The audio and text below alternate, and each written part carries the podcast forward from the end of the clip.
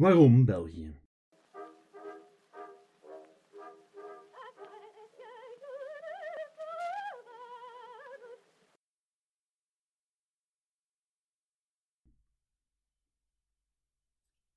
Welkom bij de laatste aflevering van Waarom België. Vandaag zetten we de definitieve eindsprint in. En die brengt ons tot 1839. Het moment dat dat rare nieuwe landje genaamd België door alles en iedereen, zelfs een zeker Willem I, erkend is als een onafhankelijke staat in Europa. Ten slotte val ik nog even kort samen wat u eigenlijk moet onthouden van die 10 aflevering lange tocht doorheen de pre-Belgische geschiedenis en geef ik voor eens en altijd het antwoord op de vraag: waarom België? Helemaal op het einde van deze aflevering heb ik het ook nog over wat mijn podcastplannen zijn voor de nabije toekomst. Dus wat, tijd om te beginnen waar we gebleven waren: de Belgische Revolutie. Op het einde van de vorige aflevering waren we aanbeland in november 1830. Een korte samenvatting van de situatie. In de nacht van 25 op 26 augustus was er een opera. En vervolgens mengde een bende boze burgers zich met een bende boze en vooral hongerige arbeiders. Die bende besloot het gebouw in brand te steken en vervolgens kwam er in Brussel een, door burgers geleide, voorlopige regering aan de macht met behulp van een burgerwacht die dan ook de controle van de stad overnam. En niet dat die op dat moment al onafhankelijkheid waren, maar ze hadden wel een heleboel eisen voor Willem I. Willem I vond dat niet zo tof en stuurde Willem junior naar Brussel. En junior ja, deed zich bijna verleiden om koning te worden van een onafhankelijk België, maar papa vond dat niet zo tof en die stuurde maar zijn tweede zoon Frederik met een leger naar Brussel om een einde te maken aan dat dwaze gedoe. En dat leger kreeg zwaar op zijn doos in het Warandenpark in een soort van guerrilla-strijd en moest zich uiteindelijk terugtrekken. En zo belanden we in november. Wanneer twee heel specifieke groepen mensen samenkomen om over het lot van dat pas vrijgevochten België te beslissen. Een van die groepen bevond zich in Brussel en was zowaar het eerste Belgische parlement, genaamd het Nationaal Congres, wiens taak in de eerste plaats was om het nieuw landje van een grondwet en vervolgens van een staatshoofd te voorzien. De andere groep kwam niet samen in Brussel, maar in Londen en bestond uit de vertegenwoordigers van de grootmachten. De grootmachten in post-Napoleon Europa bestonden uit Groot-Brittannië, Pruisen, wat later Duitsland worden zou, Rusland, Oostenrijk en Frankrijk. Vooraleer we het hebben over wat die vreemde mogendheden allemaal zouden bekokstoven in Londen, wil ik het hebben over het Nationaal Congres. Het Nationaal Congres dat die fameuze eerste Belgische grondwet schreef. Fameus? Jawel.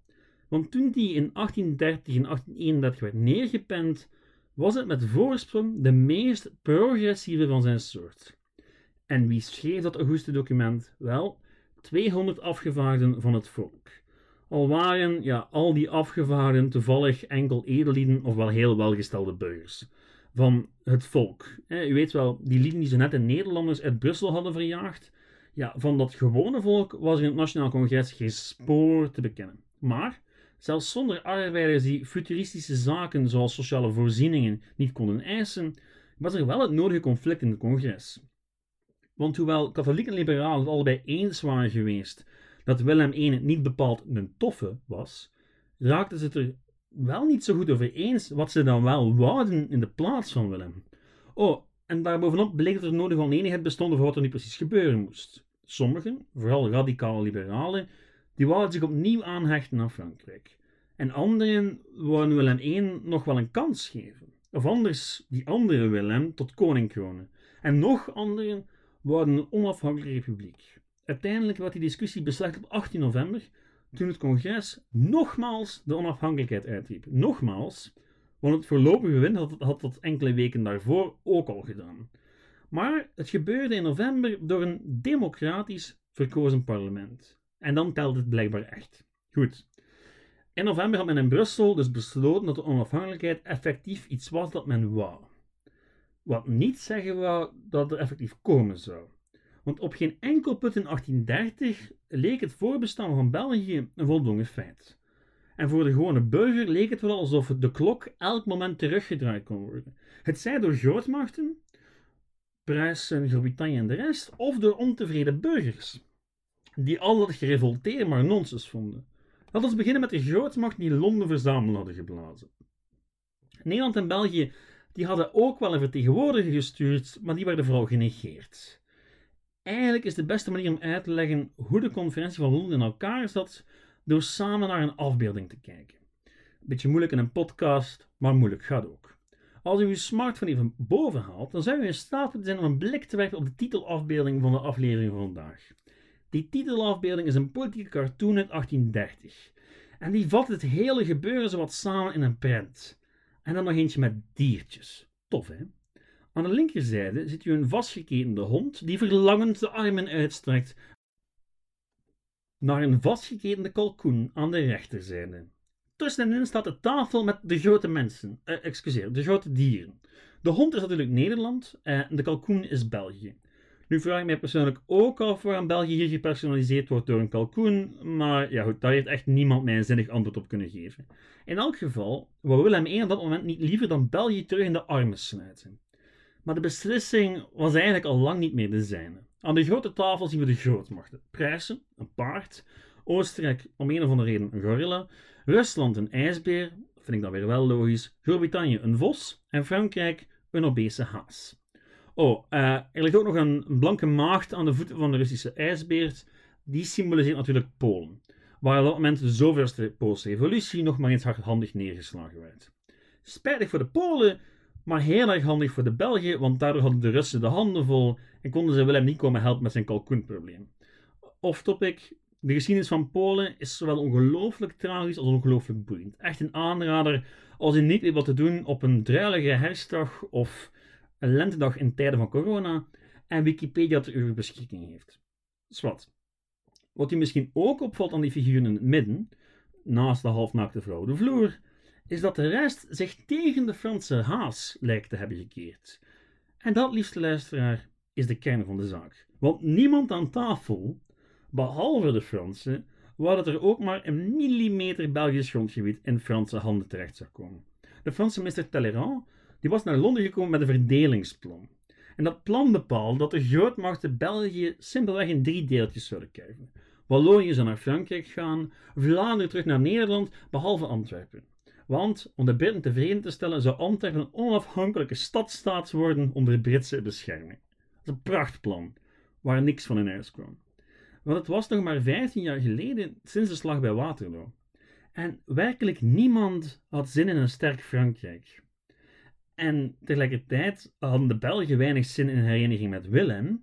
Dus besloten de grootmachten ja, dat dat landje dan maar onafhankelijk moest worden. Of moest blijven. Mits de Belgen plechtig zouden beloven dat ze neutraal zouden blijven in elke mogelijke Europese oorlog. Wat er ook gebeuren zou, de Belgen zouden zich niet mogen moeien. En de andere grootmachten beloofden plechtig dat ze de Belgen te hulp zouden komen als iemand het in zijn hoofd zou halen om ze aan te vallen. En dat is waarom de Duitsers in 1914 besloten om Frankrijk aan te vallen, maar dat te doen door, door België heen te gaan, dat de Britten naar een 86 jaar oud papier keken en zich dan toch maar tegen wel en dank in de Eerste Wereldoorlog wierpen. Maar dat is een heel ander verhaal en iets voor een andere podcast op een ander moment. Terug naar de splitsing van het Koninkrijk der Nederlanden. Zo'n splitsing, ja, die brengt een heleboel vragen met zich mee. Zoals, waar gaat die grens liggen? Uh, wat doen we met de staatsschuld? En last but not least, ja, wie gaat dat nieuwe land regeren? In Londen besloot men dat ja, dergelijke belangrijke zaken niet aan Brussel en Den Haag konden worden overgelaten. En ging men dus gewoon met vijf om de tafel zitten en beslissingen nemen. De grenzen, ja, dat zouden die van voor 1790 worden. Je weet wel, want toen we nog spraken van de Oostenrijkse Nederlanden, dus rond aflevering 6. De schulden die werden min of meer gelijk verdeeld. En van de republiek, ja, daar kon geen sprake van zijn. En van de grootmachten mocht Willem junior gerust koning worden. Nu, weet u waarschijnlijk ook dat de eerste koning van België eh, niet Willem heette, maar Leopold. Vooraleer men bij Leopold uitkwam, ja, moest er eerst een hele reeks andere kandidaten passeren. Het congres was er uiteindelijk in geslaagd om het min of meer eens te raken over een grondwet en wierp zich vervolgens op de koningskwestie. Want in die grondwet ja, ging het nogal vaak over de vorst. De vorst? Die zou de regering leiden. De vorst die zou de eet afleggen in het parlement. De vorst zie, de vorst la. Wie het meerdere van het congres alvast niet als vorst wou, was Willem junior. Ook al hadden de revolutionairen in het begin van de revolutie hem de kroon aangeboden, ja, eind 1830 hadden veel het wel gehad met het Huis Oranje. Zeker toen die een robotje waren komen vechten in Hartje Brussel. En de echte druppel die de emmer deed overlopen was de beschieting van Antwerpen door de Nederlanders. Daarbij legde de Nederlandse generaal Chassé zowat de halve stad in de as. En verrassend genoeg was er plots veel minder steun om ooit nog iemand met de achternaam Oranje op de Belgische troon te zien zitten. Nu, Groot-Brittannië zag dat wel zitten. Niet omdat ze zo'n grote fan waren van Junior, maar omdat het betekende zou dat Nederland en België op termijn, één senior de pijp aan Maarten zou geven, terug onder een vorst zouden komen. En waarom was dat belangrijk voor de Britten? Wel, het zou het veel moeilijker maken voor de Fransen om dat hele gebied op te peuzelen natuurlijk. Je hebt het misschien al door, maar in de geschiedenis van de Belgische revolutie draaide het bij momenten echt om de Fransen. Goed, de Britten wouden dus junior, ook al vond het Belgisch congres dat maar niks. Dat geldt trouwens niet alleen voor het congres, maar ook voor senior. Want Willem I die was zo koppig als een ezel. En de enige oplossing die Willem I genegen was, ja, die was dat alles terugging naar zoals het was voor 1830. Het Belgische congres probeerde de boel te redden door een heleboel andere kandidaten voor te stellen. Ja, maar met elke kandidaat was er wel iets mis. De hertog van Leuchtenburg was te Duits voor de Fransen en de Franse prins de Nemours ja, was te Frans voor al de rest. Het land zonder koning stelde maar een regent aan, terwijl prinsen over heel Europa de Belgische troon aangeboden kregen. En men kwam uiteindelijk terecht bij een zekere Leopold von Sachsen-Coburg. Goed, Leopold was geen onbekende voor de koninklijke huizen van Europa, want enkele jaren daarvoor was hij nog getrouwd geweest met de Britse kroonprinses Charlotte. Nu, Charlotte was overleden bij de bevalling van haar doodgeboren kind en Leopold werd vervolgens een sombere weduwenaar. Een weduwenaar die in Londen woonde, maar heel graag gezien was aan de koninklijke hoven van Europa. En voor de Belgen langskwamen om hen hun troon aan te bieden, had hij de Griekse al geweigerd. Het duurde even, maar uiteindelijk liet Leopold zich overtuigen om de troon te aanvaarden. Maar daar eindigt ons verhaal natuurlijk nog niet. Men had al wel plots een koning, maar van vrede met Nederland was helemaal nog geen sprake. Er was wel een verdrag in de maak, genaamd het Verdrag van de 19 artikelen, een super originele naam voor een verdrag met 19 artikelen. Er waren enkele pijnpunten, zoals wat doen met Maastricht en Luxemburg, maar men bleef onderhandelen. Dus kon op 17 juli Leopold aankomen in de pannen en op 21 juli 1831 de eed afleggen in Brussel als de eerste koning naar België. En daarmee was het officieel. België was een ding. België was erkend door de grootmachten. Maar niet door Nederland. Een kort woordje over 21 juli, voor we het opnieuw hebben over onze vriend Willem. Op de Belgische feestdag vieren we dus inderdaad de eetaflegging van de eerste koning. Een beetje vreemd, want ja, eigenlijk had je ook wel een paar andere data kunnen vieren. 25 augustus, de dag van de opera, 14 november, toen de onafhankelijkheid werd verklaard, of waarom niet een dag in september, toen de Nederlanders werden buitengekuist uit Brussel. Allemaal goede kandidaten als je het mij vraagt, maar eigenlijk was 21 juli misschien wel het moment waar België echt onafhankelijk werd. Op 21 juli was er een staatshoofd, een regering, een parlement en erkenning van de rest van de wereld. Op 21 juli 1831 was de kans dat België echt een land zou zijn dus groter dan ooit tevoren. Als iemand daar de eeuwige koppige Willem I maar van zou kunnen overtuigen. Want Willem I die had geen zin in on onafhankelijk België. Die had geen zin in de verdrag van de 19 artikelen. En die stak tot 2 augustus 1831 de grens over met een leger. Voor wat men later de tiendaagse veldtocht zou noemen. Tiendaagse, want hij duurde maar tien dagen. Niet omdat de Nederlanders moeite hadden met het Belgische leger. Helemaal niet. Dat vegen ze heel makkelijk opzij maar dat de Frans leger op vraag van Leopold op weg was om de Nederlanders de deur te wijzen. Waarop de Fransen onmiddellijk zelf de benen namen, want de Britten stonden op het punt om België binnen te vallen als die Fransen niet rap zouden maken dat ze weg waren. En toch was de tiendaagse veldtocht geen nul-operatie voor Willem I. Want nu duidelijk was dat dat Belgische leger weinig waard was, kreeg Willem toch nog enkele toegevingen van de grootmachten en werden die 19, 19 artikelen aangepast, waardoor België wat grondgebied verloor. De linkeroever van de Schelde en de helft van Limburg en Luxemburg zouden zo naar Nederland gaan. Uh, zouden, want het duurde wel nog acht jaar voordat Willem zich eindelijk neerlegde bij de feiten. En op 19 april 1839 de 19 artikelen ondertekende. En daar ga ik dit verhaal afsluiten. Ik zou het gerust nog kunnen hebben over de economische gevolgen van, van de onafhankelijkheid voor Gent en Antwerpen, over het organistische verzet in de steden, over het taalbeleid van de Belgische regering en nog zoveel meer, maar ja, dat is echt wel voor een andere keer. Ik heb zo het gevoel dat ik al meer dan genoeg geschiedenis in een tiental afleveringen heb gepropt. die eigenlijk oorspronkelijk toch rond één simpele vraag draaiden. Waarom België? Wat is het waarom van België? In de eerste aflevering deelde ik mijn vermoedens omtrent het antwoord en nu, twee maanden en heel wat leeswerk later, ben ik er vast van overtuigd dat ik het bij het juiste eind had. Toeval, interne politiek en buitenlandse politiek. Die drie dingen samen, die vormen het waarom van België. En ja, dat klopt voor veel landen, maar zeker voor België. Er is geen enkel moment in heel ons verhaal tot de koning van Leopold I dat het zeker of zelfs logisch lijkt dat er iets als een aparte onafhankelijke staat ooit zou ontstaan in de zuidelijke Nederlanden. Als we zouden opzommen wat er allemaal gebeuren moest om dat precies moment mogelijk te maken, ja, dan zaten we hier morgen nog. En het zou een opsomming van alsen zijn. Als Karel de Straten niet gestorven was bij de slag om Nancy. Als Philips II minder arrogant en koppig was geweest. Als Willem I niet keer op keer de foute beslissing genomen had. Als dit en als dat.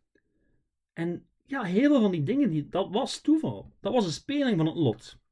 En tegelijkertijd was België ook niet mogelijk geweest als er niemand was geweest in België die allerlei gebeurtenissen in gang heeft gezet. Om welke reden dan ook. Denk maar aan de Beeldenstorm, de opstand tegen de Oostenrijkers, de gevechten in het Warandenpark. Wat de Belgen of de pre-Belgen deden en dachten, had ook impact. En was wel degelijk belangrijk.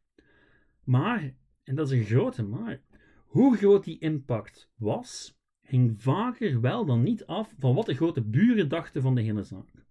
Want Belgische geschiedenis is Europese geschiedenis, is Franse geschiedenis, Britse geschiedenis, Duitse geschiedenis, Spaanse geschiedenis en Oostenrijkse geschiedenis.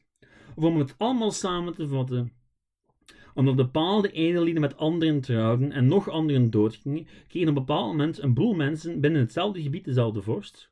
Door toeval en door oorlogen gingen die mensen op termijn een volk vormen en probeerden ze gezamenlijk af en toe iets te veranderen aan de manier waarop ze geregeerd werden, tot ze quasi per ongeluk onafhankelijk werden. De grootmachten uiteindelijk geen andere oplossing zagen, behalve onafhankelijkheid. En daarom bestaat België. En indien, indien u in staat met een korter antwoord te formuleren, dan zou ik het heel graag horen. Voilà, uh, dat was het dan. Ik zou graag iedereen bedanken die ooit naar een aflevering geluisterd heeft. En ik hoop oprecht dat je iets aan overgehouden hebt. Wat de toekomst betreft, wel, ik heb iets te melden. Dit is het einde van Waarom van België. Toch zeker voor een tijdje. Misschien dat ik er later nog eens terug mee begin. Maar voorlopig heb ik het er wel mee gehad. Maar op dit kanaal, uh, Geschiedenis van België, komt er wel een nieuwe reeks. Eentje van mij en eentje met meer afleveringen dan 10. De reeks noemt België van A tot Z. En ik ga er elke week, toch zeker een 25, 26 tal weken lang, elke week een letter uit het alfabet nemen en die link je met iets uit de Belgische geschiedenis. En dat kan van alles zijn. Ambiorix, doel, een heleboel dingen gaan aan bod komen. Ik heb er heel veel zin in. Um, en al wat u daarvoor moet doen is het kanaal Geschiedenis van België volgen. U kan dat doen op iTunes of Spotify, maakt niet uit. Gewoon abonneren en u krijgt een melding en waarschijnlijk een trailerke voor uh, die, nieuwe, die nieuwe reeks volgende week in uw bus.